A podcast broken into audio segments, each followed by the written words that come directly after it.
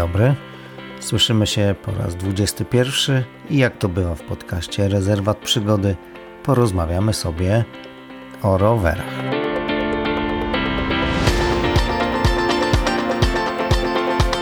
A ponieważ temat rowerowy to temat rzeka, każdy widzi go odmiennie, to w podcaście możemy posłuchać różne historie różnych osób związanych z kolarstwem. Zarówno tym amatorskim, romantycznym, ale też usłyszycie historię osób z zacięciem do ścigania.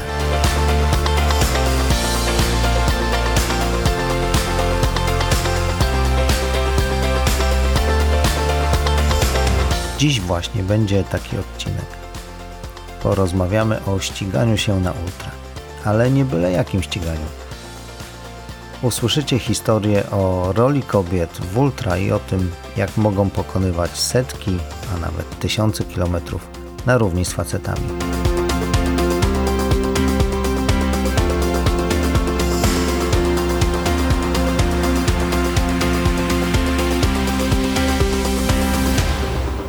Gościnią tego odcinka jest prawniczka z Garego Fischera, Ania Kolarka, czyli Anna Kluczek-Kolar.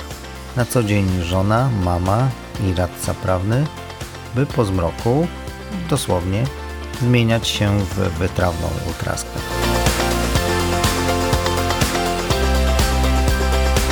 W tym sezonie zasłynęła m.in. z ukończenia Wisły 2400, zresztą jako jedyna kobieta w stawce. Posłuchajcie historii Ani. Zapraszam.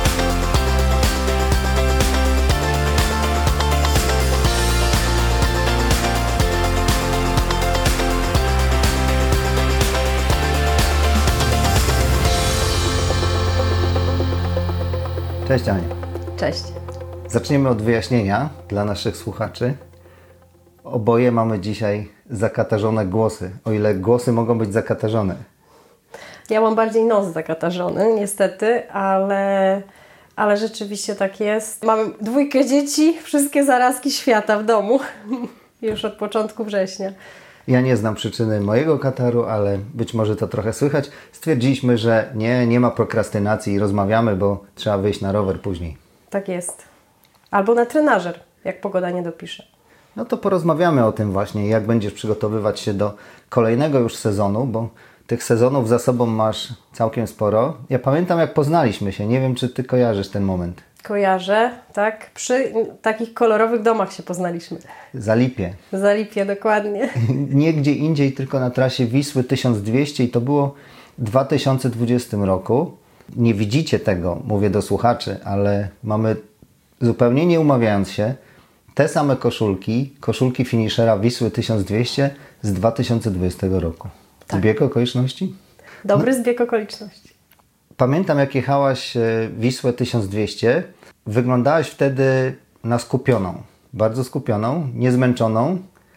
Czym dla Ciebie był start, i to nie pierwszy start chyba w tak długim ultra? Tak, wtedy tak. Poznaliśmy się w 2020 roku.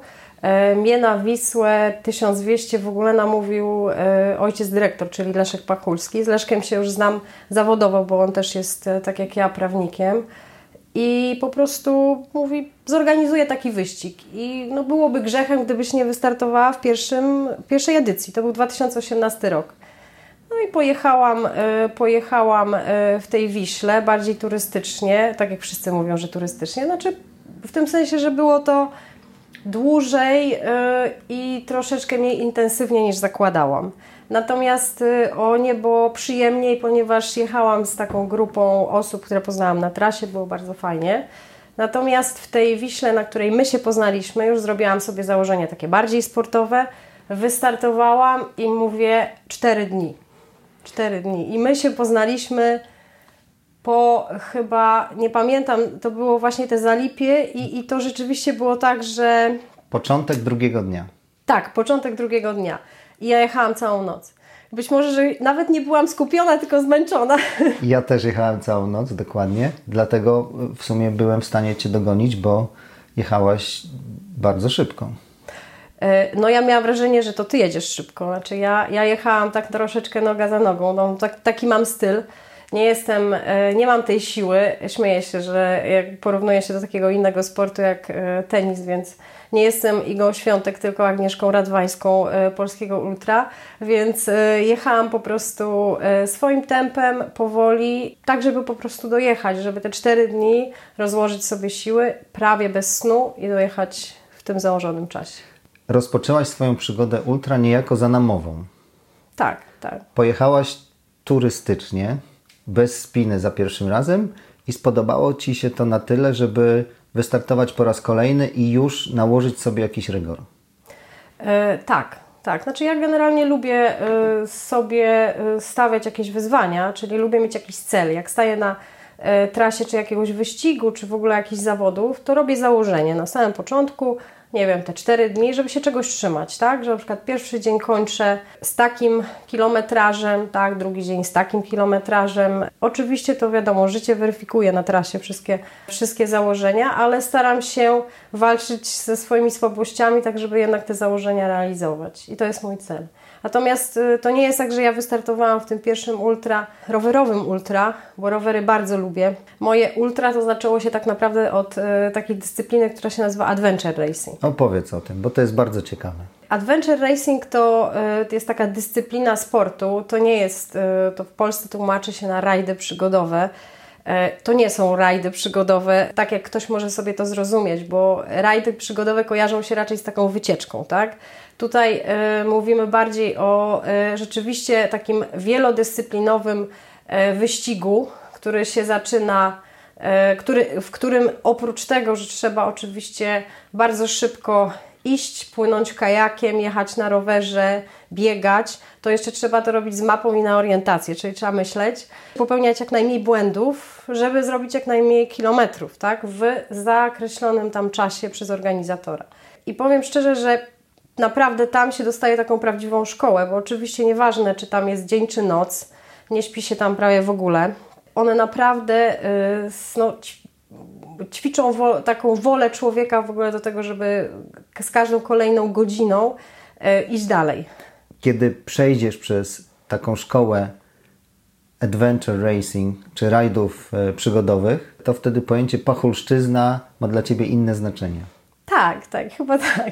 Czy pochulszczyzna to jest bardzo, bardzo ciekawe określenie. Ostatnio jak e, zobaczyłam e, gdzieś na Facebooku, ktoś publikował, już nie pamiętam z którego... Great Lakes Gravel. tak. Gdzieś była, gdzieś była taka, yy, taki znak, tak. Tam był jeden trudniejszy odcinek, który chyba dla Beki nazwano... Pachulszczyzną. Dla żartu nazwano pachulszczyzną. Słyszałem od kolegów, którzy jechali w tym roku w Great Lakes Gravel, że oczywiście było to wciąż dalekie od Pachulszczyzny, takiej typowej, którą my znamy i do której jesteśmy przyzwyczajeni i w sumie chyba lubimy, skoro startujemy w tych rajdach, w tych wyścigach. Ale wróćmy do Adventure Racing. Znaczy Pachulszczyzna, ja właśnie to chciałam powiedzieć, że powiem szczerze, że jeżeli pachulszczyzną naz nazywamy tak zwane chaszczenie, bo, bo to jest trochę chaszczenie, czyli wjeżdżamy w jakieś chaszcze, na jakieś single, tak, albo właśnie na takie bardzo trudne trasy rowerowe, albo tam, gdzie niemalże się nie da jechać, tak, y, no to w adventure racing takich miejsc jest po prostu bardzo dużo, tak, znaczy tam po prostu w zasadzie cały czas gdzieś tam się chodzi po lesie, gdzieś tam się chodzi po jakichś krzakach, chodzi się po bagnach. Zdarzało mi się na przykład wchodzić na bagna, przechodzić bagna, e, utknąć w tych bagnach na kilka godzin, e, no bo one bywają ciężkie. Wpaść do bagna też mi się zdarzało. Ale też zdarzało mi się przechodzić przez rzeki, przez jakieś strumienie, to jest bardzo fajne. Przepływać na przykład przez, z tego co przez Zalew Czorsztyński, kiedyś z koleżanką płynęłyśmy. Z rowerami. Yy, nie, tam bez rowerów, ale oczywiście, bo rowery akurat yy, to była yy, to było troszeczkę inna konwencja. A zdjęcie z rowerami na pontonach, które będzie można zobaczyć w opisie tego odcinka, skąd pochodzi? Yy, to jest, z tego co pamiętam, z rajdu on-site. Yy, I to był taki rajd, gdzie my dostałyśmy zadanie specjalne wykonania własnoręcznie tratwy dwie opony i kilka desek, chyba siedem, jak dobrze pamiętam, dwa kapoki do tego, e, no i dwie czy trzy liny. No i trzeba było samodzielnie skonstruować taką tratwę, żeby przepłynąć kilka kilometrów po jeziorze i przewieźć na tym rowery, nie zatonąć oczywiście i przypłynąć na ten. Słyszałam z, od później od organizatorów, że nasza tratwa była najlepsza. Ja zawsze takie zadania dostaję właśnie w tym naszym teamie, tym takim Adventure Racing z koleżanką, gdzie startujemy razem że właśnie myśl techniczna i ja robię te wszystkie rzeczy, tam jakieś właśnie tratwy, albo tam gdzieś się wspinam po jakichś drzewach, albo jakieś dźwignie, takie, takie rzeczy, które, które są wymagane akurat. No dobrze, z tego e, co opowiadałaś wcześniej, przygoda z Adventure Racing to nie była już namowa, tylko chyba Twój wybór. Może wróćmy do początku i opowiedzmy słuchaczom, jak zaczęło się Twoje Twoja przygoda z przygodą i z ultra wyścigami. Jak to w ogóle wyglądało po kolei? Tak, zaczęłam od Adventure Racing, ale chyba z tego co pamiętam, to 2007 albo 7, tak, chyba 7 rok, taki wzięłam udział w takim e, rajdzie Gringo. On się odbywał, e, odbywał się tutaj na Pomorzu. Bardzo ciekawy rajd, fajny, fantastyczny, super zorganizowany. Tam wtedy startowały już takie profesjonalne zespoły e, z Polski. No i później tak kilka, wzięłam udział w kilku takich imprezach jeszcze, bardziej już amatorsko, później już trochę bardziej profesjonalnie. Tam jest tak, że zawsze są dwie trasy. Jedna trasa jest nazywana profi, a druga trasa jest taka open. I ta trasa profi, ona jest bardzo mocno wymagająca już. Tam zapisując się już trzeba naprawdę mieć dużą wytrzymałość. A co masz na myśli mówiąc profesjonalnie w takich rajdach brałaś udział? właśnie startując na tych, e, w na tych trasach profi. Bo w momencie, kiedy zaczynałam, raczej startowałam w kategorii open, żeby w ogóle zobaczyć, co to jest, troszeczkę się obyć z mapą, tak, żeby się nie gubić w lesie, no bo to jest e, straszne, jak się jednego punktu szuka 2,5 godziny albo 3 godziny czasami. E, dlatego wolałam właśnie, znaczy dlatego wtedy po prostu startowałam już, zaczęłam startować już na tych trasach profi mogę powiedzieć, że od wtedy troszeczkę bardziej zaczęłam to robić profesjonalnie. Poczułaś się swobodnie i chciałaś więcej. Tak, tak, oczywiście. Znaczy, yy, mnie fascynowało to, że robi się coś yy, bez spania. Jest coś niezwykłego w deprywacji snu, że, że nas to pociąga. Jednocześnie, będąc nieprzyjemnym, jest pociągające. Tak, znaczy to jest chyba ja sama nie wiem, co to jest, bo to jest chyba takie, yy, takie uczucie, że ja się lubię zmęczyć, yy, lubię się nawet bardzo zmęczyć, tak?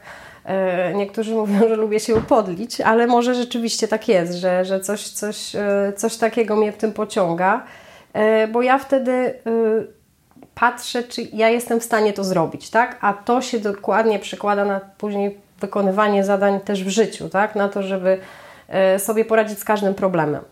Czyli potwierdzasz to, że ćwiczenie swojej silnej woli, o ile jest coś takiego jak silna wola, czy wychodzenie poza strefę komfortu i przystosowywanie się do tego poczucia bycia poza strefą komfortu przekłada się na życie prywatne czy zawodowe?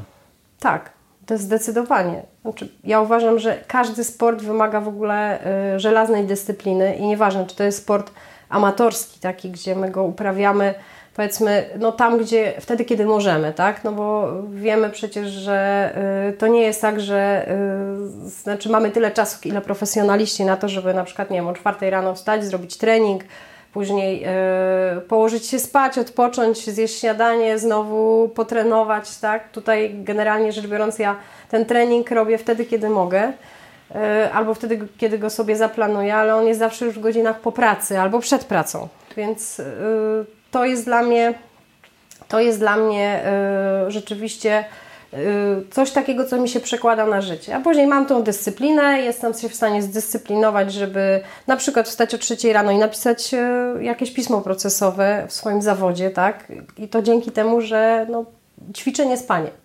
W momencie, kiedy y, zaczęłam się ścigać już bardziej profesjonalnie, y, czyli na tych trasach profi, w adventure racing z tego powodu, że to jest jednak wymagające, to są wymagające dyscypliny sportu. Tak jak powiedziałam, tam jest i kajak, czyli tutaj pracuje cała góra ciała. Czasami te dystanse są po 40 km do przepłynięcia e, i trzeba biegać, trzeba chodzić, bo tam jest i trekking, i bieg na orientację. E, I w tym trekkingu najczęściej się biega. Nie, nie, to nie jest tak, że się idzie, e, bo, bo trzeba pilnować limitów czasu na danym etapie. Rower jest jak naj, oczywiście jak najbardziej też tutaj w dużych, takich długich dystansach występował. Więc po prostu to ciało no, odmówiło mi posłuszeństwa, tak? Przede wszystkim kolana i zdecydowałam się jednak troszeczkę odpuścić, jeżeli chodzi o adventure racing i no, zaczęłam jeździć na rowerze. Czyli to jest ten moment, kiedy chyba jeszcze nie zaczęłaś myśleć o ultra, po prostu jeździłaś na rowerze i czy namowa Leszka, żebyś wystartowała w Wiśle, to był pierwszy raz na ultra? Na pewno to był pierwszy raz na tego typu rajdzie, tak? czy, czy wyścigu ultra. Natomiast ja już takie dystanse długie na, y, na rowerze pokonywałam. Sama z siebie po prostu lubiłam te, te dystanse długie jeździć. Tak? Jeździły, jeździliśmy na takich ustawkach kiedyś, same, sami sobie te ustawki organizowaliśmy, jak to jeszcze nie było takie popularne. No i one miały po 200, 250, czasami 300 kilometrów. I, I, ja lubię wyjeżdżać na takie właśnie takie 150 plus. No dobrze, ale z tego co wiem, ty masz rodzinę, masz dzieci. Jak jesteś w stanie to wszystko połączyć i, i nie zrezygnować z niczego? No to jest trudne. Muszę powiedzieć, że y, czy to nie jest tak, że ja z czegoś nie rezygnuję? Bo na pewno rezygnuję, y, bardziej rezygnuję z tego ultra albo bardziej rezygnuję z treningów, y, co się przekłada też na wyniki, bo ja się nie ścigam dla przyjechania na metę w pierwszej dziesiątce, dla przyjechania na metę w pierwszej dwudziestce. Mówisz o pierwszej dziesiątce Open.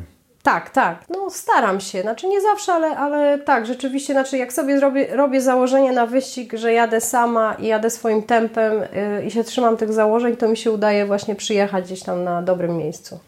Ale nie jest to Twój priorytet. Co nie. jest Twoim priorytetem i jak radzisz sobie, żeby to wszystko połączyć? Yy, przede wszystkim yy, staram się yy, przynajmniej wyjeździć przed takimi startami, czy przed sezonem, wyjeździć jakieś minimum. E, dla mnie najważniejsze jest to, żeby się sprawdzić na samym początku na tych dłuższych dystansach. Czyli przejeżdżam sobie tam parę razy e, przed sezonem, jeżeli nie mam czasu na treningi. Dłuższe, czyli ile kilometrów? E, no takie 150 plus. Tak, żeby zobaczyć, jak mój organizm w tym sezonie, czy w ogóle będzie w stanie dźwignąć takie dystanse, bo to różnie bywa. Czasami bywało tak, że jak się ma dzieci, to się ma wszystkie zarazki świata, tak jak powiedziałam wcześniej więc y, bywało tak, że ja byłam, nie wiem, po 7-8 razy chora, na przykład w przeciągu 4 czy 3 miesięcy. Więc rzeczywiście później jest ciężko, yy, znaczy ciężko jest ustawić sobie treningi regularnie, tak? W taką, w taką zimę. Więc ja do tego sezonu no, nie byłam przygotowana. Y, I w trakcie, w zasadzie to y, dopiero miałam czas na to, żeby jakąś formę budować przez dwa miesiące przed takimi startami, na przykład lipcowymi albo, Pamiętam, że na y, Wanogę, w której wystartowałam w Twoim wyścigu, y, to się praktycznie w ogóle nie przygotowywałam, a dojechałam tam trzecia na metę jako kobieta, więc, y, więc to jest też tak, że to jest kwestia chyba i głowy, i tego, jakie sobie te założenia właśnie człowiek na początku robi, jak jedzie, tak? O treningu jeszcze porozmawiamy. Ale jak ogarniasz życie codzienne, żeby na te treningi znaleźć czas i żeby jeszcze w domu był spokój? E, to oczywiście nie da się z dziećmi jest to sytuacja jest taka, że one są nieprzewidywalne, więc nie mamy rytmu treningowego. On się kompletnie gdzieś tam w tych tygodniach gubi. E, więc ja e, po prostu staram, ustawiam sobie to w taki sposób, że mówię, na przykład ten sezon tak zamierzam, tak zamierzam spędzić, albo w ogóle poprzednie również, że planuję sobie na przykład dwa treningi rowerowe plus jeden, nie wiem, jakiś siłowy, tak, na siłowni i staram się w ciągu tygodnia gdzieś to zmieścić. To nie jest tak, że to zawsze będzie czwartek, zawsze wtorek, zawsze środa, tylko po prostu gdzieś to mieszczę. Yy, I teraz jak to robię, żeby zmieścić, żeby z dziećmi spędzić czas? Bo to, co mówisz, to jest ważna informacja. Dwa treningi rowerowe, jeden siłowy informacja dla tych, którzy mówią, że jeżeli 5-6 razy w tygodniu nie potrenują, to nie będą przygotowani do sezonu. Da się przy kilku treningach tygodniowo przygotować dobrze do sezonu. Da się, ja później jeszcze o tym opowiem. Jak ja to przynajmniej widzę, jak widzę to z możliwościami własnego organizmu. Ale wracając jakby do Twojego pytania dotyczącego mojej rodziny, to ja sobie to w taki sposób ustawiam, że ustawiam treningi bardzo rano albo po prostu wieczorem. Staram się to tak robić, żeby z dziećmi być, bo mam akurat dzieci w takim wieku, że jedno ma 13, drugie 3, więc kompletnie inne potrzeby. I tu się trzeba pobawić, a tu trzeba już no, troszeczkę na inny poziom wskoczyć z nastolatkiem. To są z dwóch chłopaków. I jakby, no, ja jestem z nimi, tak? W dzień jestem z nimi, natomiast tak zwanych godzinach porannych właśnie, czyli na przykład wstaję o 5 czy 4.30, tak? Żeby tam sobie coś po, po, potrenować. I tak samo wieczorem, tak? Czekam do momentu, kiedy oni już albo idą do swoich, starszy do swoich spraw, albo młodszy już idzie spać, tak? I ja wtedy mam ten czas, żeby coś tam potrenować, tak? Ale wyścigi ultra to nie jest jedyna okazja, kiedy jeździsz na rowerze i chyba tak to wygląda u Ciebie, że jeździcie rodzinnie, całą rodziną. Yy, tak, ale to są typowe rekreacyjne podróże. Opowiedz o tym, bo to chyba jest ważne, że jeżeli jeździcie razem na rowerze, to wtedy Twoje występy na ultra są w sumie czymś normalnym dla pozostałych członków rodziny. No, ja w rodzinie mam dużą rzeszę kibiców. Cieszę się, że, że no, w momencie, kiedy ta moja kropka gdzieś tam podąża sobie na ekranie komputera, no to wiem, że siedzi tam moja mama, mój mąż właśnie i jeszcze tam parę innych osób z rodziny. I też przyjeżdżają na trasę mi pokibicować. Natomiast i, i to jest fajne, bo to mnie, to mnie dalej niesie i pomaga mi właśnie jechać, jechać ten wyścig. Ale z rodziną staramy się zawsze zrobić sobie raz w roku taki wyjazd rowerowy. W normalne dni też się zdarza, że jeździmy na rowerach. My w ogóle jesteśmy taką, można powiedzieć, rodziną, która się głównie przemieszcza na rowerze albo w ogóle jakąś taką, znaczy samochodu używamy mało. Po mieście jeździmy głównie właśnie rowerami, a raz w roku gdzieś tam sobie jedziemy na dwa tygodnie po, pojeździć w różne miejsca po prostu. To nie, jest, to nie są takie miejsca niebezpieczne, nie jeździmy daleko, tak? Raczej Europa tutaj z dziećmi, ale jest bardzo fajnie. Ale przejeżdżacie kilka, kilkanaście, kilkadziesiąt kilometrów? To różnie, ale tak powiedzmy te 70-80 km dziennie sobie jedziemy. To też zależy od terenu, tak? Jak są jakieś takie bardziej górzyste, no to wiadomo, że troszeczkę mniej. Też robimy to bardziej krajoznawczo, staramy się wtedy znaleźć jakieś atrakcje, tak? Z takimi małymi dziećmi my, my zaczęliśmy jeździć, mój, mój młodszy syn ma 3 lata, to jakby taki pierwszy moment, kiedy on wyjechał na rower z nami na dwa tygodnie pod namiot ze całymi manelami w przyczepce rowerowej i, i w sakwach, no to on jeszcze roku nie miał. Więc jakby on już jest przyzwyczajony, tak? To jest, w zasadzie w każdym roku był gdzieś. I, I też nam, to, też nam to później buduje fajną relację, z, bo jesteśmy 24 godziny na dobę cały czas ze sobą po prostu przez dwa tygodnie. Taka wycieczka wymaga chyba też niezłej organizacji. Tak, ale my też dużo lubimy na spontana, tak zwanego. I robimy to bardzo często. Czyli nie układamy sobie tej trasy y, dokładnie, tylko mówimy mniej więcej, gdzie jedziemy i co chcemy zobaczyć. I wtedy sobie tam po prostu jedziemy i w zależności od tego, jak się czujemy, to tak jedziemy. Nie mamy też, w zależności oczywiście od tego, gdzie jesteśmy i w jakim kraju jesteśmy i jak możemy na przykład yy, spać, bo to też ma znaczenie. Na przykład w Holandii nie można spać na dziko. Więc no, nie można tak spontanicznie planować wszystkiego, trzeba szukać tego noclegu na polach namiotowych. Ale już jak jeździliśmy w Słowacji, bo ja mam słowacką rodzinę, bo mój mąż jest Słowakiem, to tam już można spać na dziko. Więc bardzo często robiliśmy tak, że jadąc na przykład nad rzeką Wak, spaliśmy sobie gdzieś tam na dziko koło rzeki. Tak. No, dla dzieci to jest atrakcja. Bardzo fajnie to się, to się układa nie trzeba za dużo planować. Ja, ja uważam, ja planuję w pracy i mi tego planu tutaj naprawdę wystarczy, natomiast już jak w życiu prywatnym staram się dużo rzeczy robić spontanicznie. Czyli domyślam się, że na ultra też nie znasz i nie próbujesz poznać każdego zakrętu i każdej atrakcji na trasie, tylko bierzesz to tak, jak trasa Ci przynosi. Tak, tak. Ja tylko planuję sobie zawsze dystans, który chcę przejechać i też patrzę, jak mniej więcej sobie na mapę jak ten dystans danego dnia wygląda, tak? Czyli czy ten dystans na przykład, nie wiem, tam 250 km to jest 250 km z takim wzniosem, czy z innym wzniosem, z jaką prędkością będę to jechała i ile czasu mi to zajmie po prostu. To tylko pod takim względem. Co robisz, kiedy okoliczności się zmieniają, pogoda się zmienia, kiedy okazuje się, że góry pieprzowe w deszczu pokonuje się przez 45 minut, a nie 15? Co robisz wtedy?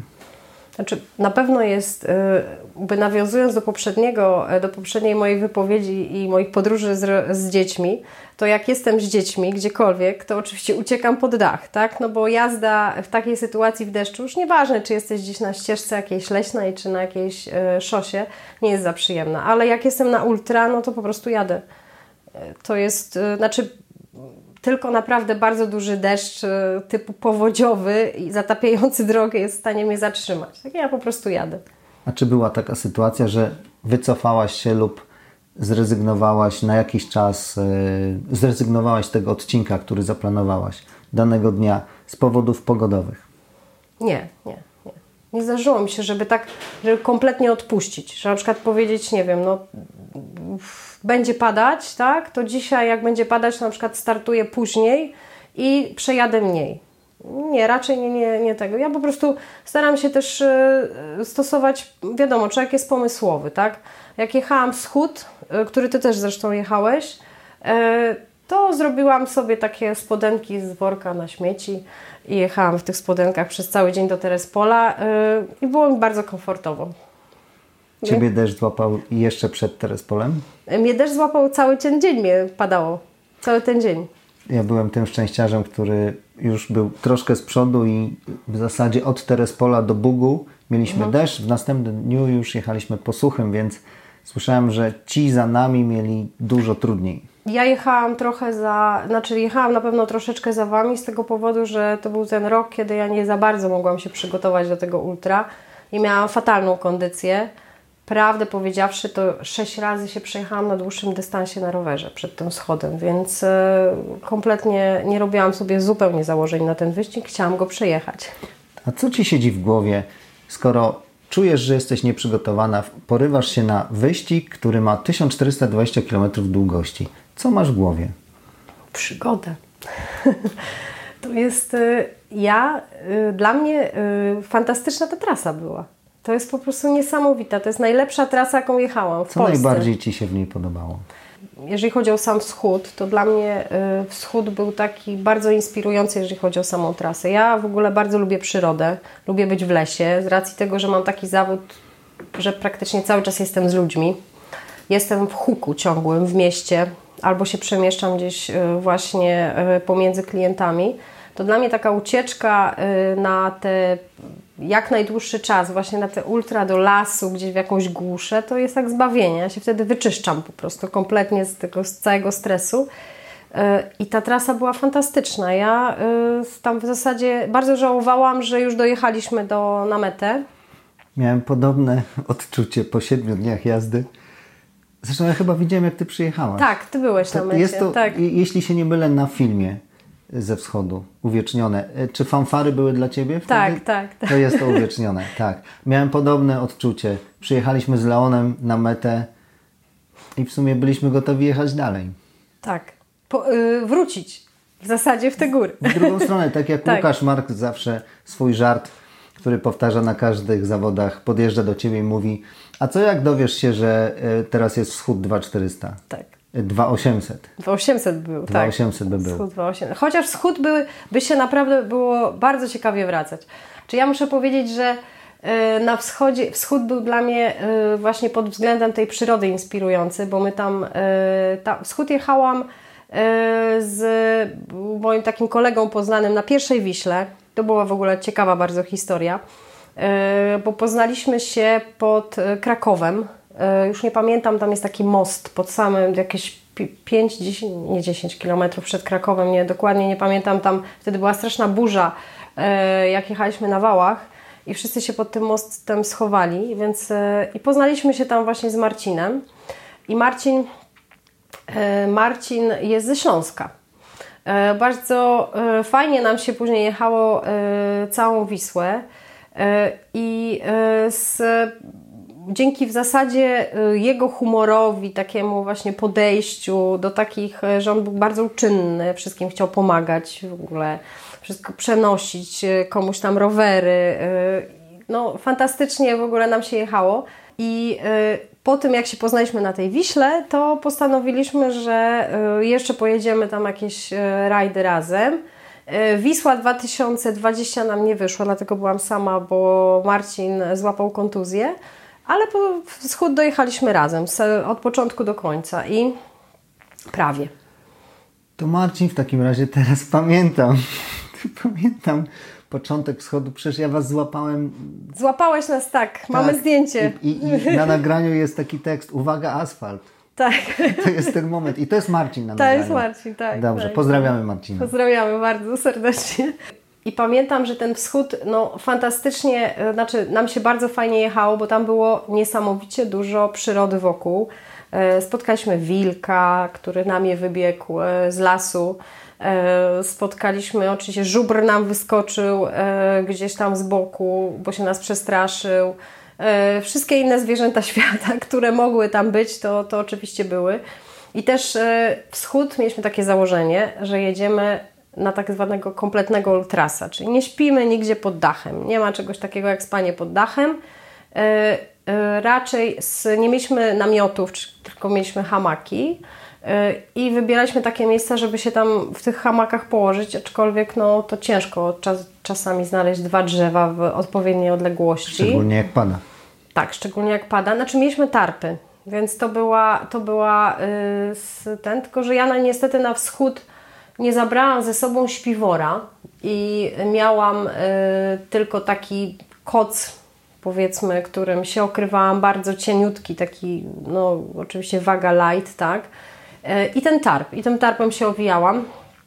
Było bardzo zimno, strasznie było zimno, ale miejsca, w których spaliśmy tam, oczywiście nie tylko, y, bo do nas się przyłączali też inni, inni ludzie, jadąc z nami, którzy też chcieli zażyć przygody, to spaliśmy w różnych miejscach. To jest wspaniałe. Zaraz wrócimy do mhm. sposobów, w jaki podróżujesz na ultra i nocujesz.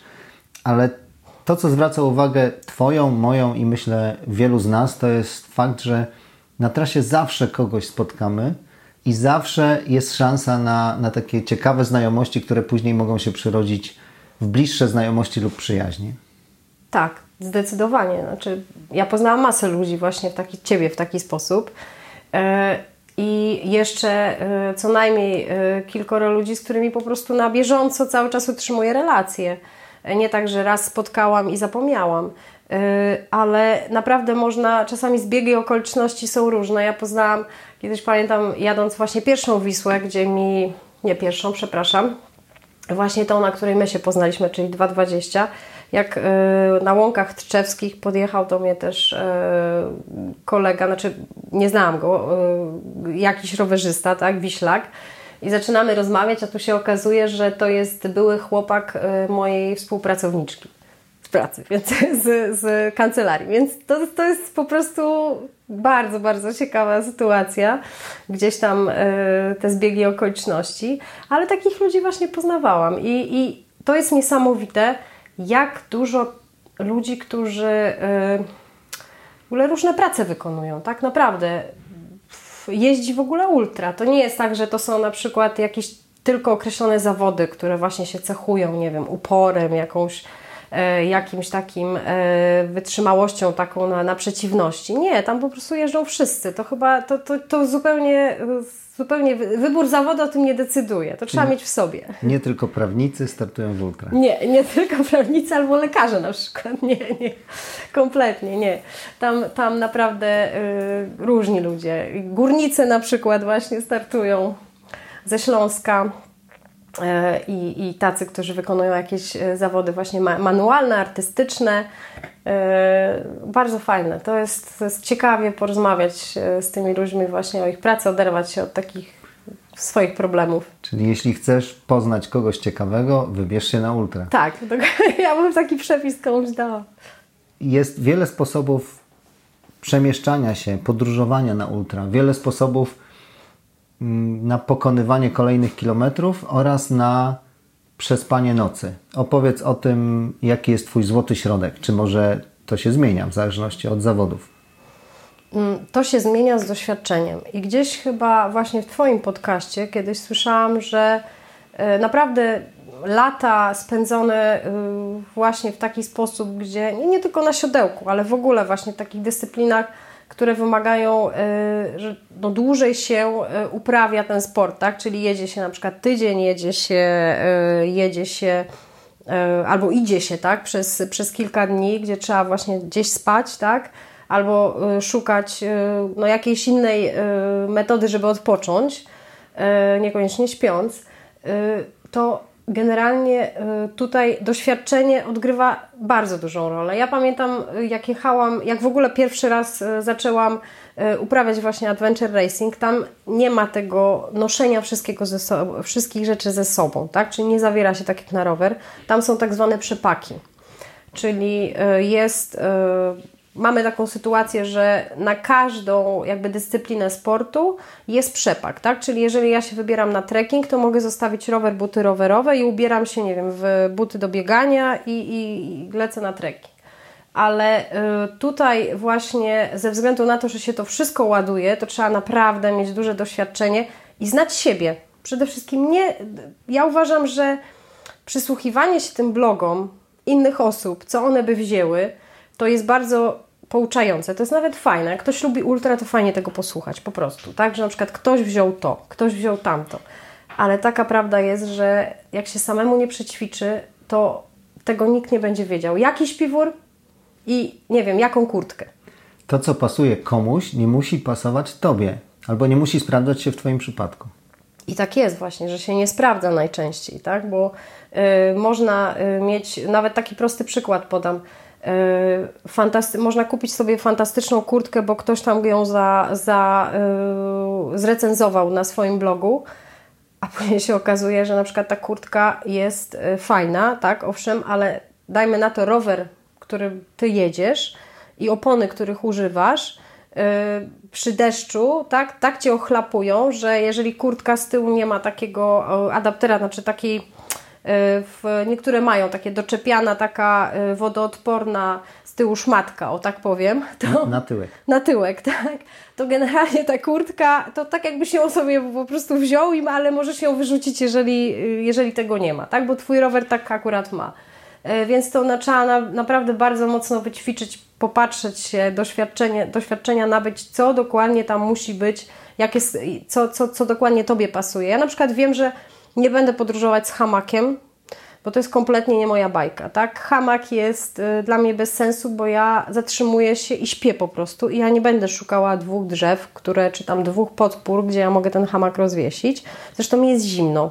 Y, nawet jakbym wzięła jakąś podpinkę i tak mi jest zimno pod, pod spodem, więc y, preferuję na przykład namiocik mały, najlżejszy jaki jest tam na rynku, taki sobie właśnie zaopatrzyłam się, ale po prostu, żeby to był namiot jednak, yy, ja się wtedy też separuję od tego świata, tak, zewnętrznego i troszeczkę pozwala mi to te dwie godziny pospać. On oczywiście jest bajecznie prosty do rozkładania.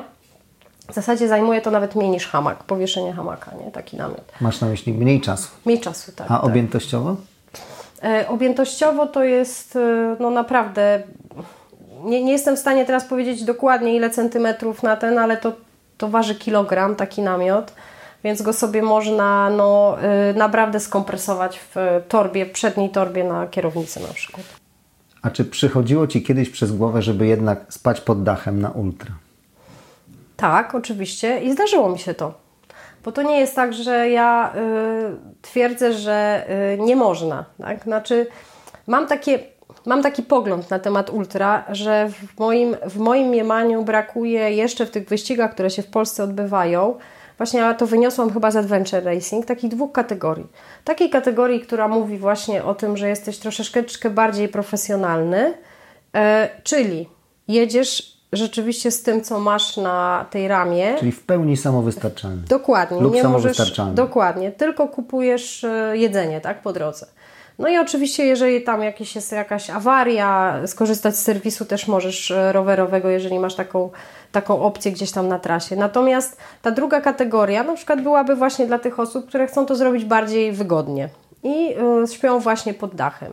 I wtedy ma to sens w moim mniemaniu i to też jest bardzo fajne, bo można zbudować siebie tym sposobem, jakby startując na dystansach właśnie takich open, później można przejść do tej wyższej kategorii i też zobaczyć, czy rzeczywiście to jest moja bajka, czy ja dam radę, tak? To, to jest też, myślę, że to by było warte rozważenia, tak? To, co mówisz, ma duży sens i zgadzam się z tą w 100%, ale jako organizator poszedłem w drugą stronę w tym sezonie.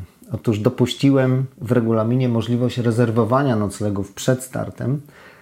Nie dlatego, że uważam, że tak jest lepiej, tylko muszę się przyznać do tego, że nie jestem w stanie w żaden sposób zweryfikować tego, czy ktoś bukował, rezerwował nocleg przed startem czy po, a nawet jeśli to zrobię, to nie jestem w stanie tego udowodnić. Czyli jeżeli mam jako organizator podejrzenia, że ktoś wyłamał się z regulaminu z tego zapisu, nie jestem w stanie tego zweryfikować lub dociec prawdy. Dlatego uznałem to za martwy przepis i go zapis i go zmieniłem. Wracając do Twojej wypowiedzi, z którą się zgadzam, myślisz, że byłoby możliwe później sprawdzenie tych w kategorii profi, czy oni jednak nie złamali tego zapisu? Czy sprawdzenie jest ciężkie, to ja nie ukrywam. E, w ogóle układając regulaminy na takie wyścigi, nie da się wszystkiego sprawdzić. To nawet w wyścigu kolarskim e, profesjonalistów w Unii Kolarskiej, tak, które nie wiem, Tour de France czy, czy Vuelta Espania, tam też się wszystkiego nie da sprawdzić. Zdarza się, że kolarze na drodze gdzieś tam coś robią niedozwolonego, co czasami organizator zauważa, a czasami nie, więc to też tak jest wszędzie, ale ja uważam, że ja zawsze się kieruję taką uczciwością i uważam, że skoro startuję w tym wyścigu, może to mam troszeczkę też e, jako prawniczka, że jak widzę, że regulamin podpisałam, to przestrzegam tych zasad po prostu, tak? E, I e, mam taką satysfakcję, jak dojadę na tą metę, że ja zrobiłam to według zasad, czyli miałam rów, takie same możliwości konkurowania z innymi, jak inni mieli ze mną. Po prostu. Jak odnosisz się do przypadków, kiedy ktoś świadomie zjeżdża z trasy, żeby sobie pomóc? Um, uważam, że jeżeli dany odcinek trasy jest dla Ciebie niebezpieczny dla Twojego życia, czyli coś się wydarzyło na tej trasie, e, nie wiem, zalało ją kompletnie, że jest nieprzejezdna, E, albo nie wiem, pojawiła się na niej horda psów wściekłych, które biegają i gryzą i nie da się jej po prostu przejechać, to wtedy tak, jest to uzasadniony przypadek, że możesz z tej trasy zejść. Natomiast w momencie, kiedy e, jedziesz w nocy i widzisz, nie wiem, wał, tak, którym widzisz, popatrzysz sobie na mapę 2-3 km tego wału, jest objazd asfaltem. Uważam, że y, no nie powinno się zjeżdżać, powinno się przejeżdżać. No, jeżeli ja wybieram jazdę w nocy, decyduję się, wiem, na tą trasę znam wcześniej, plik GPX mogłam sobie ściągnąć, obejrzeć, tak? Y, takie założenie też trzeba, y, trzeba, trzeba sobie zrobić. To w tym momencie ja nie powinnam z tej trasy zjeżdżać. To jest taka zasada. Dopiero nie wiem, jak rzeczywiście na ten wał mi wyskoczy, bo mi się to zdarzało, tak, że mm, były psy na przykład w nocy jechałam i wściekłe psy mi wybiegały, które łapały tam krety na wałach, to pod Warszawą bardzo często tam y, w Kalwarii, tam y, gdzie się zdarza. Y, ale ja starałam się do momentu, kiedy mogłam jechać, na przykład, nie wiem, schodziłam z wału, i tam boczkiem, boczkiem, no bo niestety się nie dało, te psy mnie atakowały, tak? Zdarzyło mi się raz, że mnie zaatakowało osiem na, tej, na tych trasach Wisły, tak? I, I no, nie ma wyjścia, trzeba zejść. Ale to są naprawdę sytuacje wyjątkowe. Albo czasami jest tak, że po prostu schodzę i wracam sobie w tym samym miejscu, poczekam chwilę, jak, e, jak to niebezpieczeństwo zniknie. Ale staram się zawsze tej zasady przestrzegać. Natomiast już bezwzględnie, jeżeli ktoś sobie ułatwia, no to jest, y, nie ma to porównania, bo to nie jest wyścig y, tak jak na przykład Transcontinental Race, który jedzie od punktu do punktu i jak Ty sobie pokonasz tą trasę, to jest Twoja sprawa. W Adventure Racing też tak jest. Czy Race Through Poland. Tak, że masz y, punkty kontrolne, musisz dojść do tego punktu. Jak pójdziesz, czy pójdziesz przez bagno, czy pójdziesz przez asfaltem, to jest dłużej, to jest Twoja sprawa, tak? A to nie jest tego typu wyścig. Tutaj po prostu jedziemy po ustalonej trasie. To jest zapisane w zasadach i trzeba ich przestrzegać po prostu. Skoro już jedziemy po tej trasie, na pewno, nie pytam czy, na pewno zdarza się taki moment, kiedy dopada Cię chwila zwątpienia, tak zwany kryzys, bomba, mm, jakkolwiek to nazwiesz, co wtedy robisz? Ja już tego nie pamiętam, naprawdę. To jest, y, bo to są takie maksymalne, człowiek wtedy ten maksymalny wysiłek wydatkuje, to wszystko jakby się kumuluje, tak? Brak snu y, gdzieś tam, y, brak siły, wszystko, wszystko razem. Właśnie deszcz na przykład z nieba, aura jest niesprzyjająca, zimno jest, mnie najgorzej zimno denerwuje. I wtedy co robić, tak? Znaczy ja różne metody motywacyjne stosuję, ale najlepsza metoda to jest taka, i to jest, możecie się ze mnie śmiać teraz, albo Ty się będziesz ze mnie śmiał. Ania, dojedź na metę.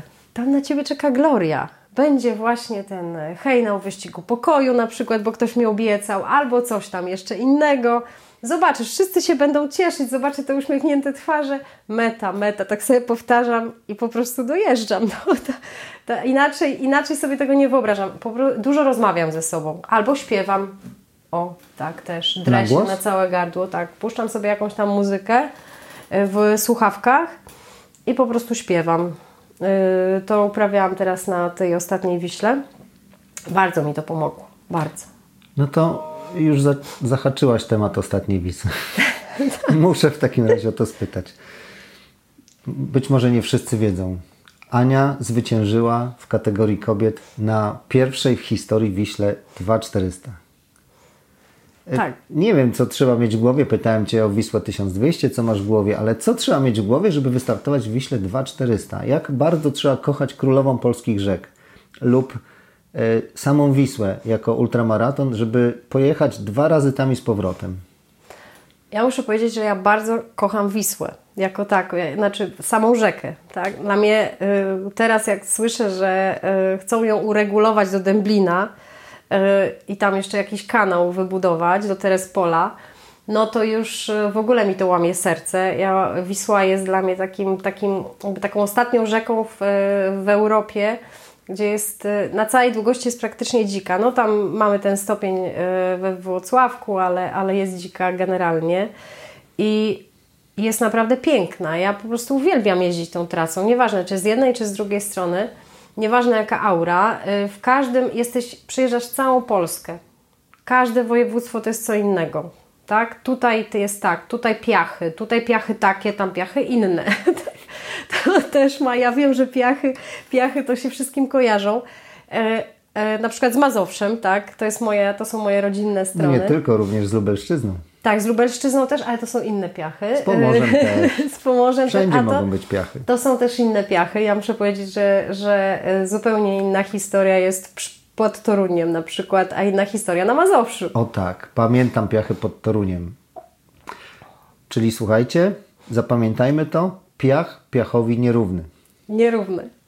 Trzeba, trzeba się y, na nie przygotować mentalnie.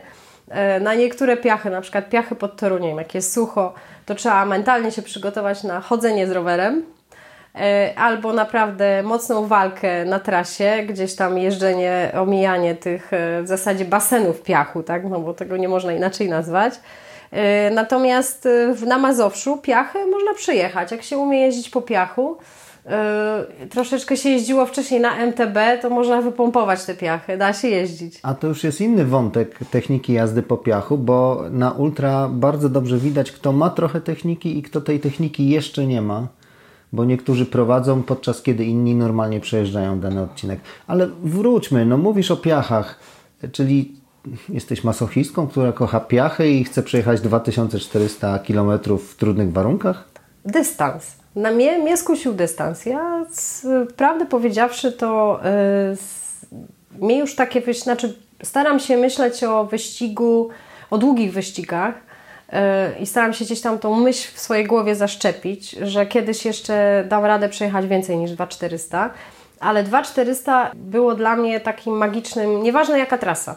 Chodziło o 2400. Myślałam o przejechaniu tego wyścigu dookoła Polski szosowego, ale właśnie ta szosa mnie troszeczkę odstraszyła pomyślałam sobie, że jak będzie niesprzyjająca aura, no to jechać tą szosą to będzie po prostu rzeźba, tak? Więc dla mentalna i, i taka, y, no nie, nie będzie to za przyjemne. Szczególnie, że jedziemy wtedy drogami publicznymi. Tak, tak, tak. Y, tak samo te wszystkie inne rajdy, y, które są przez Polskę, one właśnie też jadą po szosie i nawet te tysiąc kilometrów. I to no, może nie być za przyjemne w złej aurze, bo ja lubię jeździć generalnie na szosie, Mhm. tylko no już jak jest w miarę ładna pogoda, tak, no to, to już jest y, inny temat wtedy. Żeby nie było na Wiśle 1200 lub 2400, tam też jest dużo odcinków szosowych, żeby nie, żeby, żeby nie wybrzmiało to tak, że tam są same piachy. Kilkanaście procent. Dokładnie. E, Ale jest to przemieszane z, z tak zwanym off-roadem, z drogą terenową, z, e, z szutrami, z drogami polnymi, leśnymi. Taki miszmasz wszystkiego w zasadzie, Tak, prawda? tak, bo Wisła, znaczy ja powiem tak, na pewno co roku nie byłabym y, w stanie tej Wisły jeździć. Jak nasz e, wspólny kolega Marcin Gruziński, on, on zawsze mnie po, podziwiam go za to, że on co, co roku jest Czy w stanie. dobrze liczę, że on przejechał już 5? Y, chyba tak, albo Czyli- sześć coś mówił. Nie wiem, czy 6 było, chyba piąta to była. 18, 19, 20, 20, no tak. A pięć. Leszek obiecał wszystkim, którzy przejadą 5 pod rząd, darmowe starty do końca życia. Aha, To chyba, chyba już Marcin się na to łapie. chyba tak. E, I znalazłoby się kilka, kilkanaście osób, które Tak, na dokonały pewno. tego. Na pewno. Znaczy, ja, ja nie jestem y, w stanie aż tak bardzo y, skupić się na dystansie, jednak potrzebuję troszeczkę przerwy. Natomiast ten, wracając do tego Twojego pytania odnośnie y, samej Wisły 2400, nie pociągnął ten dystans. Ja po prostu stwierdziłam, że sprawdzę się, tak? Na tym dystansie 2400.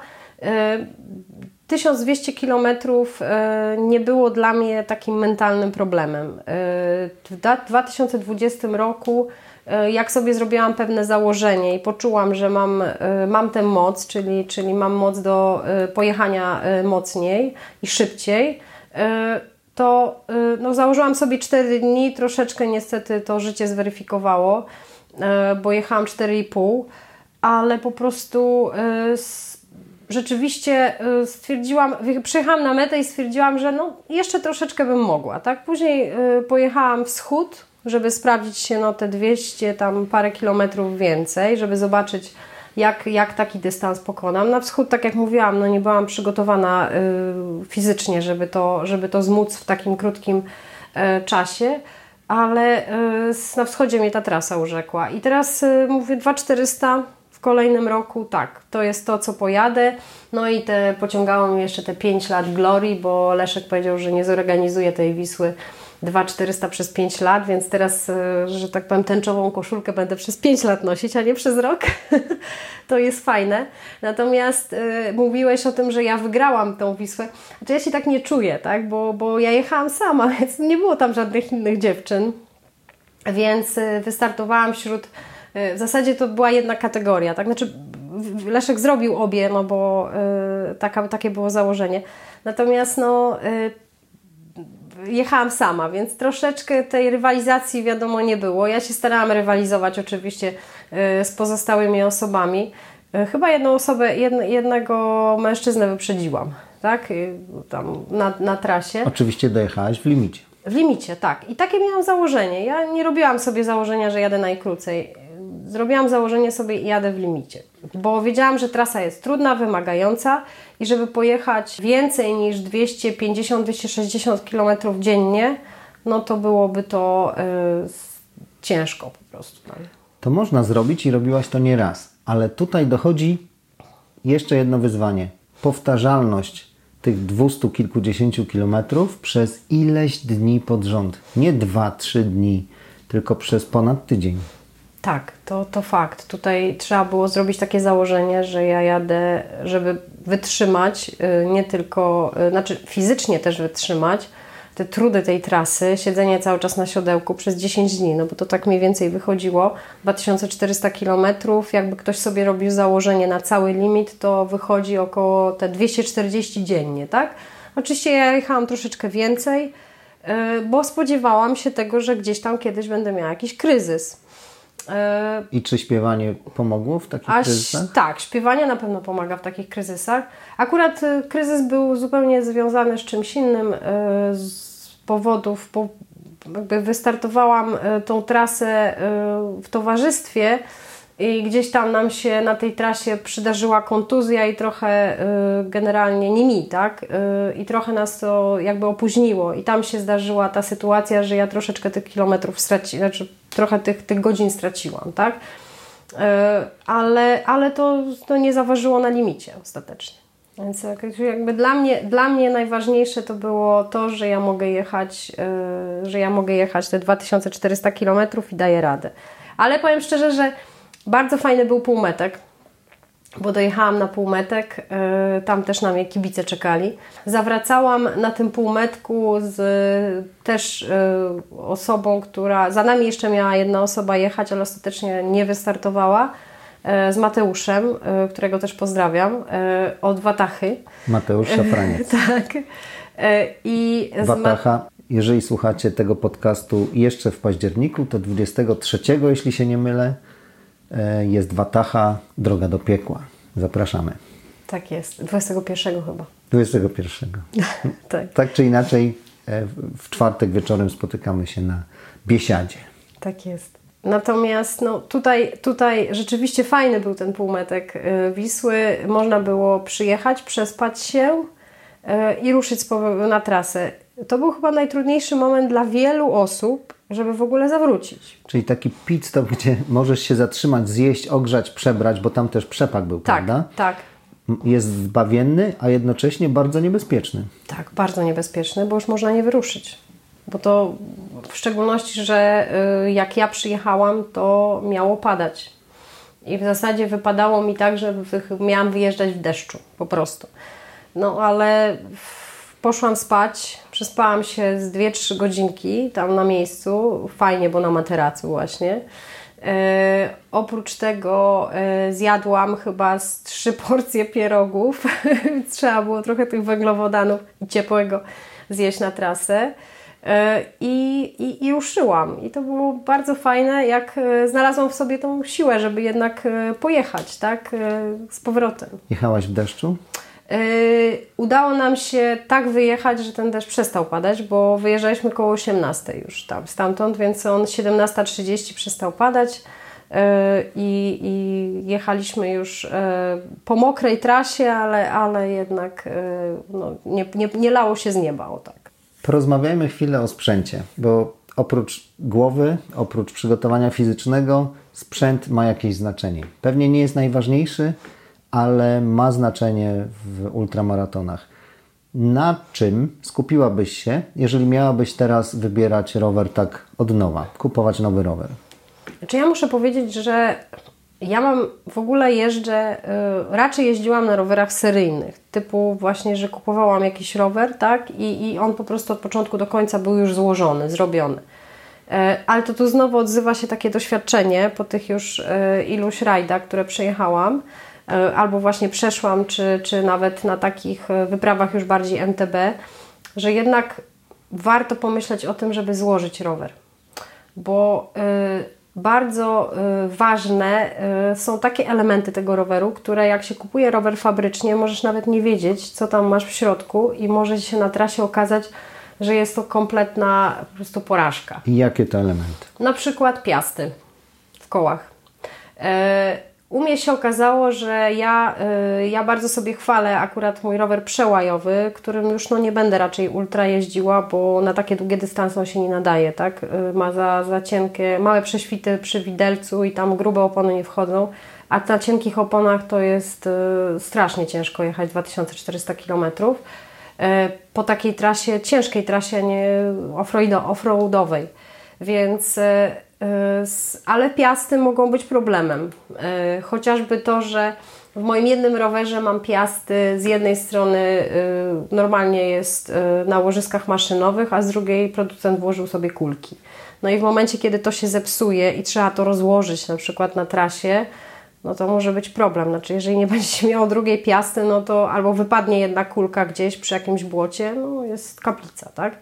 Więc to na pewno jest jedna rzecz, którą, czyli trzeba własne koła zbudować. To ja uważam, że to jest e, jedna z ważniejszych rzeczy. Czy ewentualnie alternatywą dla Ciebie byłoby zakupienie dobrych kół znanej marki, uznanej jakiejś?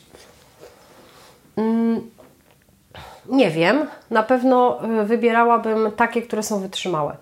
To nie chodzi o uznaną markę, bardziej chodzi o to, że posłuchałabym tych ludzi, którzy, jeżeli chodzi o koła, e, jeżdżą nie tyle co bikepackingowo, albo je, ale jeżdżą sakwiarsko. Oni wożą na tych rowerach naprawdę duże obciążenia i koła tam mają kolosalne znaczenie, więc ja bym ich posłuchała. I na, naprawdę warto tych blogów właśnie pod tym względem e, słuchać, bo ja kilku takich słucham i e, dowiaduję się naprawdę, które piasty wytrzymują ile, dokładnie ile czasu, tak? I to ma przełożenie później na, was, na ten budżet, bo jak ja przejeżdżam Wisłę 2400 na takiej trasie jak, jak tutaj mówimy o tej Pachulszczyźnie sławnej, no to mój rower praktycznie nadaje się już do, wszystko się nadaje w nim do wymiany, łącznie z, znaczy cały napęd plus e, właśnie z kołami, tak, e, więc to, są, to jest bardzo, duże, bardzo duży wydatek, a jeżeli się zainwestuje w dobry sprzęt, ale nie tyle co drogi, tylko właśnie ten wytrzymały, to można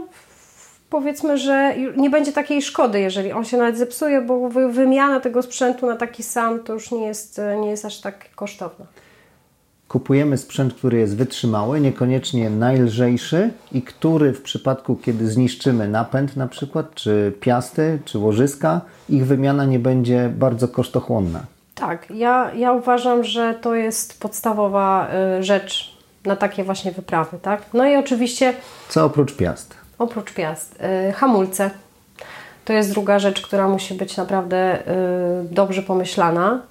Y, I tylko po prostu tutaj to nie muszą być hamulce, które mają jakby świetne, świetna efektywność tego hamowania, na przykład tak jak na MTB tak? bo tam się liczy, żeby ten rower praktycznie w miejscu stawał. Tak? Tutaj nie. Ja uważam, że ja na przykład jeżdżę na mechanicznych hamulcach z tak, tarczowych z tego względu, że one są łatwiejsze w, w ogóle w regulacji, czyli jeżeli on mi się wyre, rozreguluje, coś się stanie z tym hamulcem, to jestem w stanie jedną albo dwiema śrubkami go sobie sama wyregulować. Oczywiście warto wcześniej przećwiczyć, jak to robić. Tak, to zawsze robię, tak? Zawsze po prostu przed tym, yy, przed trasą ja sobie ten Twój rower yy, w tak zwanym domowym warsztaciku tam sama podkręcam śrubki, żeby, żeby zobaczyć, jak to się robi, tak? E, I e, druga, druga jeszcze, to, to była druga rzecz. I ja jeszcze myślę, że po, przekonałam się po tej właśnie Wiśle 2400, że siodełko jest kolosalnie ważne. Nie tyle co na obtarcie, ale bardziej w moim przypadku to chodziło o kręgosłup. I ja myślę, że to jest też istotna sprawa, żeby jednak e, szerokość siodła była dokładnie dobrana, bo ta szerokość często bywa problemem. E, czyli e, trzeba to profesjonalnie sobie zmierzyć. W domu też można pomierzyć sobie, e, że tak powiem, rozstaw swoich kości na pupie. Tam się siada na takim kartoniku i, i mierzy się od środka dołka do środka dołka, ile jest tych centymetrów. I wtedy rzeczywiście, jeżeli ktoś ma na przykład rozstaw 12 cm, no to nie siądzie na siodełku 12 cm, bo wszystko będzie mu opadać po tym na boku tego siodełka, więc po prostu najbezpieczniej byłoby 140 e, mm plus takie siodło. Ono wygląda wtedy na szerokie, no ale niestety takie są nasze jakby uwarunkowania anatomiczne i tego swojego ciała trzeba słuchać na takich dystansach. Bo na krótszy dystans to nie ma znaczenia. Na 1200 km myślę, że mi akurat nie było, y, czy nawet na 1400, nie było różnicy, czy ja mam siodło takie, czy takie, natomiast już 2400 rzeczywiście poczułam. Słuchajcie, na krótszy dystans, taki jak 1200, nie ma znaczenia. Liczy się dopiero wzwyż. Aniu, obiecaliśmy słuchaczom opowiedzieć o tym, jak przygotowujesz się do sezonu. Y, tak na zakończenie w takim razie. Opowiedz o swoich planach na przyszły rok 2023 i o tym, jak przygotujesz się do tych startów. Mm, moje przygotowania y, na pewno y, nie uzależniam ich od startów. Ja zaraz powiem, dlaczego na przyszły sezon ich nie uzależniam od startów. Zacznę od takiej rzeczy, że ja muszę przygotować. Pierwszą rzecz, którą przygotuję, to będzie sprzęt. Tak sobie zaplanowałam na zimę, ponieważ y, właśnie zajechałam już praktycznie swój taki wyprawowy rower. Yy, i muszę wymienić w nim prawie wszystko, więc postanowiłam, yy, nabywając tego cennego doświadczenia, że raczej będę czy na tej ramie, czy na tej, której, bo mam kilka rowerów, więc jakby tutaj na której z nich zbuduję sobie coś takiego, co będzie wytrzymałe. Yy, I to będzie moje pierwsze przygotowanie, takie, żeby ten rower już dostosować do, swoich, do swojego doświadczenia i tego, jak ja jeżdżę i co mi się tam w tym rowerze najbardziej psuje, co najbardziej zużywam. I to jest, to jest jedna rzecz. E, druga rzecz jest taka, że staram się, będę się starała też przygotować fizycznie Mam tutaj na uwadze oczywiście właśnie kwestię rodziny i tego, że no nie zawsze mogę te treningi odbywać regularnie i tak jakbym chciała, albo nawet czasami mi się po prostu nie chce. Jestem już tak kompletnie zmęczona, że wieczorem przyjść i zrobić jeszcze trening to jest, y, to jest już ponad moje siły. Więc y, moje przygotowania będą trwały w taki sposób, że po prostu zaplanuję sobie w tygodniu, że y, mam na dwa dni siłowni, takich ćwiczeń, które wzmacniają w ogóle całą, całe ciało, tak? czyli tak zwany kor taki kolarski i takie ćwiczenia już od, od, od paru miesięcy właśnie robię e, regularnie, e, rano bardzo, tak? Jeżdżę na siłownię, to też jest dla mnie wyzwanie, żeby wstać codziennie o bardzo rano właśnie to Bardzo rano, bo muszę wstać e, rano o godzinie powiedzmy tam 4.45, wybrać się, dojechać z Gdańska do Gdyni, to jest tam około tam 12-15 kilometrów rowerem i później mam ten trening godzinę i wracam do domu właśnie. To jest od razu mam i trening trochę kolarski i, i trochę właśnie na siłowni. E, I, e, i, I to wszystko zamyka mi się tam powiedzmy w dwóch i pół godzinach. E, w domu jestem tam 7.30, tak? a zaczynam właśnie 4.45. Mm, więc to jest jakby ten element. A drugi element to, jest, to są takie typowe kolarskie przejażdżki, czy, czy generalnie treningi. Ja się skupiam raczej w tym roku na podjazdach. Słuchałam Twojego podcastu o Velomapie. Spojrzę sobie, bo tam jest taka kategoria podjazdy. Zobaczę, czy coś tu w ogóle jest. Natomiast no, jeżeli nie ma, to, to staram się wtedy przesiadać na Swifta, tak? Raczej, e... jeśli chodzi o teren, mamy gdzie jeździć w Trójmieście, mówiąc o podjazdach. Tak, tylko że to są krótkie podjazdy, bo ja też e, w ogóle zaczynałam od MTB i ja e, głównie jeździłam na MTB, więc tutaj znam te wszystkie podjazdy. Jeżdżę dużo też po TPQ. Też bardzo, bardzo lubię MTB. E, I to, że te podjazdy bywają bardzo, bardzo strome i trzeba mieć technikę podjazdu, żeby w ogóle na nie podjechać. E, czyli na przykład właśnie nie odciążać e, tego tylnego koła jakoś tym, tymi sposobami takimi właśnie jak profesjonalni kolarze jeżdżą MTB. E, tego też się tam kiedyś uczyłam na takich ustawkach naszych. I właśnie temu treningowi raczej się poświęcę w zimę. Tak zawsze robię, że w zimę raczej jeżdżę właśnie MTB. Wspomniałaś o Zwifcie. Tak, tak. Też zdarza mi się jeździć na trenażerze. Jak już widzę, że kompletnie aura nie sprzyja. I, A być może Leszek będzie tego słuchał. być może on nie lubi. Tak, słyszałam to.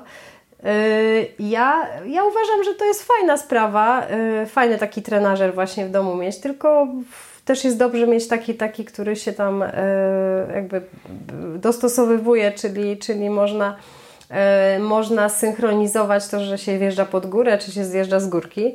E, natomiast i, i, ten trenażer mi, mi też dużo daje, bo ja wtedy nie muszę się szykować, nie muszę na przykład dojechać do lasu, tak? Co ja mam blisko do lasu, e, blisko lasu mieszkam, ale jednak to potrzeba tak z pół godziny, żeby się wybrać, tak? Na trenażer po prostu się wskakuje, nie trzeba się szczególnie ubierać, bo Swift się za mnie ubierze, tak? Na ekranie więc, więc to jest na pewno wygodne. Tak? I na pewno nie będzie Ci zimno. Na pewno nie będzie mi zimno, tak. Trenażer to takie narzędzie, które niektórych może śmieszyć albo wydawać się mało praktyczne, ale jak każde inne narzędzie można użyć je w ciekawy sposób i wykorzystać.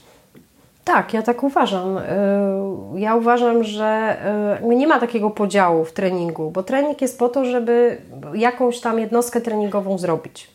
Jeżeli ja sobie zakładam, że dla mnie trening jest, ja muszę przejechać określoną sumę przewyższeń, bo tak sobie ja sobie robię trening, no to jeżeli nie jestem w stanie jej zrobić w terenie, no to muszę gdzieś, tak? Chyba, że wtedy mówię, no nie zrobię, ale jak nie zrobię, no to nie wytrenuję i to jest... Yy, i ucieka mi ten dzień, czy te dwa dni, czy nawet cały tydzień czasami, tak? Więc jakby tutaj y, staram się do tego w taki sposób podchodzić. Już nie patrzę, ja, ja bardzo często podchodzę w ogóle do treningów i do takiego ultra, do, nawet do wyścigów w taki sposób, że coś trzeba po prostu zrobić. Jest to zadanie do wykonania, tak? I ja je wykonuję. Jestem zadaniowcem. Zazwyczaj nie mam podzielnej uwagi, więc jedna rzecz skończę i tak samo właśnie w treningu też mam. Za, robię sobie założenie i to założenie staram się realizować. I tak widzę trenażer. To jest moje jedno z założeń treningowych. Jak najrzadziej, jeżeli mam możliwość wyjść na rower, tak, ale no jakoś tą formę trzeba zbudować na sezon. E, no dobrze, czyli tak będziesz się przygotowywać na kolejny sezon. I co czeka Cię w 2023 roku? Zamierzam y, właśnie zejść z dystansów, czyli pojeździć coś krócej. A z... Czyli coś około tysiąca? Nie, nawet krócej. nawet krócej, ale y, bardziej skupię się na tempie jazdy i skupię się na przewyższeniach. Y, zaplanowałam już sobie, już się zapisałam na, y, na y, czarne serce, bo to pod, pod domem, że tak powiem, mam. Wstyd nie wystąpić, jeśli tu mieszkamy. Dokładnie. I tam bardzo cieszę się, że będzie tych przewyższeń mm, sporo i, i ja lubię w ogóle po tepeku jeździć, więc robię to często i to jest takie moje, moje środowisko. E, więc chętnie e, pojeżdżę tam e, na zawodach. Kiedyś też tam w Adventure Racing był taki wyścig, który się nazywał Navigatoria Adventure Racing. To moi koledzy organizowali to. Świetnie zresztą, bardzo żałuję, że już tego nie robią. I oni też właśnie po TPK niektóre etapy też właśnie MTB czy, czy piesze organizowali, więc ten TPK jest mi znany. Czyli czarne serce. Czarne serce, tak. Co jeszcze? I E, zamierzam wrócić troszeczkę, tu mnie koleżanka właśnie moja steamowa ciągnie, e, żebyśmy gdzieś tam wystartowały w tym Adventure Racing. E, coś chyba tam zaplanuję na przyszły rok. Jeszcze nie wiem, jak długi ten rajd będzie i gdzie, ale, ale pewnie tak. I z, chciałam pojechać Wanogę, ale Wanogę chciałam pojechać ze względu na dystans i pojechać go szybciej. Czyli krótszy? E, nie, pojechać go szybciej. Ten dystans, który jest, e, który jest podstawowy, te, te 600 km, tylko po prostu sobie narzucić e, szybsze tempo jazdy, tak? Tak, żeby już się nie oglądać samodzielnie, kompletnie, bez oglądania się na kogokolwiek. Nie chcę jechać z kimś. Będę spotykać ludzi na trasie, ale jakby no fajnie się jechało. Ja jeżeli będę chciała pojechać szybciej, to po prostu będę jechała szybciej, a jak wolniej, to wolniej, tak? I to jest moje założenie. I być może jeszcze teraz nie wiem, muszę się zastanowić, ale raczej będę celowała w takie wyścigi krótsze. Y, I chciałam, planuję taki wyjazd y, za granicę do Włoch i być może uda mi się tam troszeczkę coś pojeździć w czasie, kiedy tam będę za granicą i tam coś zaplanować, jakiś wyścig właśnie, bo chciałabym po prostu się troszeczkę z Polski y, też przenieść na inne trasy rowerowe i poszukać czegoś. Będę w górzystym rejonie, więc mam nadzieję, że właśnie ten trening górzysty zrealizuję. E, I, I to są moje plany. Natomiast ja mam plany tak naprawdę, one są takimi planami e, prze, e, przejściowymi. Bo ja sobie wymyśliłam, że ja wystartuję w tym wyścigu, o którym już myślę intensywnie od, od lat, kilku, ale właśnie nie miałam czasu na treningi. To jest Transcontinental Race i chcę pojechać ten dystans. Tam jest e, ponad 4000 km. Czy to jest głównie szosa? E, tam tak, ale tam są góry. I to jest, i to jest, i są parkury na tym wyścigu. Więc, no i to jest właśnie też to, że jadę sobie od punktu do punktu, ja wybieram trasę, czyli mogę jechać parkour albo mogę jechać przez góry nad potrudniejszym, a mogę jechać po szosie, więc to są różne, różne możliwości. Na Netflixie ostatnio pojawił się film właśnie o Transcontinental Race. Mhm. Także zachęcamy, gdybyście chcieli zobaczyć, jak to wygląda i posiadacie Netflixa, to zapraszamy. No, moją, moją e, znaczy ja powiem szczerze, że mnie już Transcontinental gdzieś tam e, inspirował od, od paru lat, ale takim jakby dla mnie bodźcem, który mnie spowodował, żeby, że w ogóle zachciało, chciało, zachciało mi się pojechać ten wyścig, to było to, jak wygrała go kobieta. Fiona Kolberg, Kolberg chyba się nazywa, to jest e, Niemka, pani doktor. Niższa ode mnie, e, chuda dziewczyna i po prostu pojechała no niesamowicie szybko ten wyścig. Teraz w tym roku też go pojechała, ale już chyba była w pierwszej dziesiątce, już nie jechała tam na wynik, ale wtedy po prostu niesamowicie szybko pojechała ten wyścig. I potem po, postanowiłam, tak, chcę pojechać Transcontinental Race, żeby, żeby się sprawdzić. Podsumowując, robisz krok wstecz, czyli schodzisz z dystansu w 2023, żeby ostatecznie wystartować w mhm. wyścigu, który ma ponad 4000 km długości. Tak, tak to wygląda, ale to nie dlatego, że. y, Bo w góry wymagają siły, nie tylko takiego, takiej wytrzymałości. Ja wytrzymałość mam. Może to też jest genetyka. Ja potrafię tam czasami bez treningu wyjść i przejechać 200 km bez problemu. Natomiast y, brakuje mi siły. I żeby pojechać po górach, co odczułam jednak na wschodzie, trzeba mieć tą siłę. I ja po prostu muszę ją zbudować, a zbuduję ją na pewno na krótszych dystansach, jadąc bardziej intensywnie y, i na pewno zbuduję ją w siłowni. Tak? Więc to jest jakby taka moja, y, moja podstawa, żeby do tego treningu, żeby troszeczkę tutaj zainwestować w siebie. A wiadomo, te pozostałe rzeczy, które już mam, one mi nie znikną, tak? Czyli wytrzymałość, głowa, y, no, przez rok raczej się nie ulotnią. Miałem spytać, czy jak brakuje Ci siły, to wtedy właśnie nadrabiasz głową.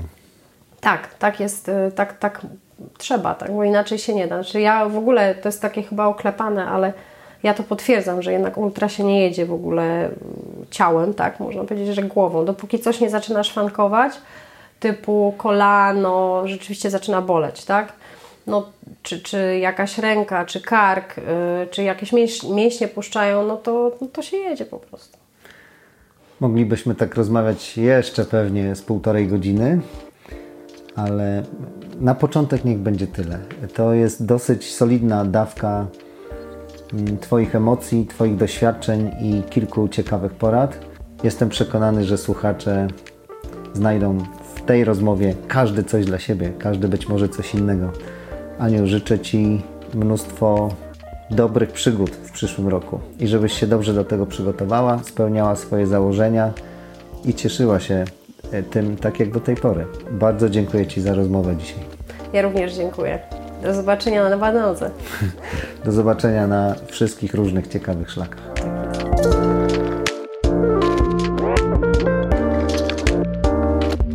Jak chcesz poznać kogoś ciekawego, wybierz się na ultra. Oczywiście z tej rozmowy można wyciągnąć dużo więcej dla siebie, zarówno kwestii mentalnych, kwestii przygotowań, jak i kwestii e, związanych ze sprzętem. Mam nadzieję, że Wam się podobało. Jeśli tak, to liczę na pozytywny komentarz i kciuk w górę, gdziekolwiek słuchacie tego odcinka. Pamiętajcie, że Rezerwat Przygody to również blog i kanał na YouTubie, a na blogu chociażby możecie zobaczyć i poznać kompletny, na bieżąco aktualizowany kalendarz imprez gravelowych. To już kolejny raz, kiedy słyszymy się tydzień po tygodniu. Zaczynam się przyzwyczajać. Jest szansa, że utrzymam tę tendencję przez jakiś czas, bo na liście gości jest kilka osób, więc jeśli tylko uda mi się z nimi spotkać, będziemy mieli czego słuchać przez najbliższe tygodnie. Tymczasem dziękuję Wam za wysłuchanie tego odcinka i zapraszam na następne spotkanie. Pewnie już za tydzień. Do usłyszenia. Trzymajcie się.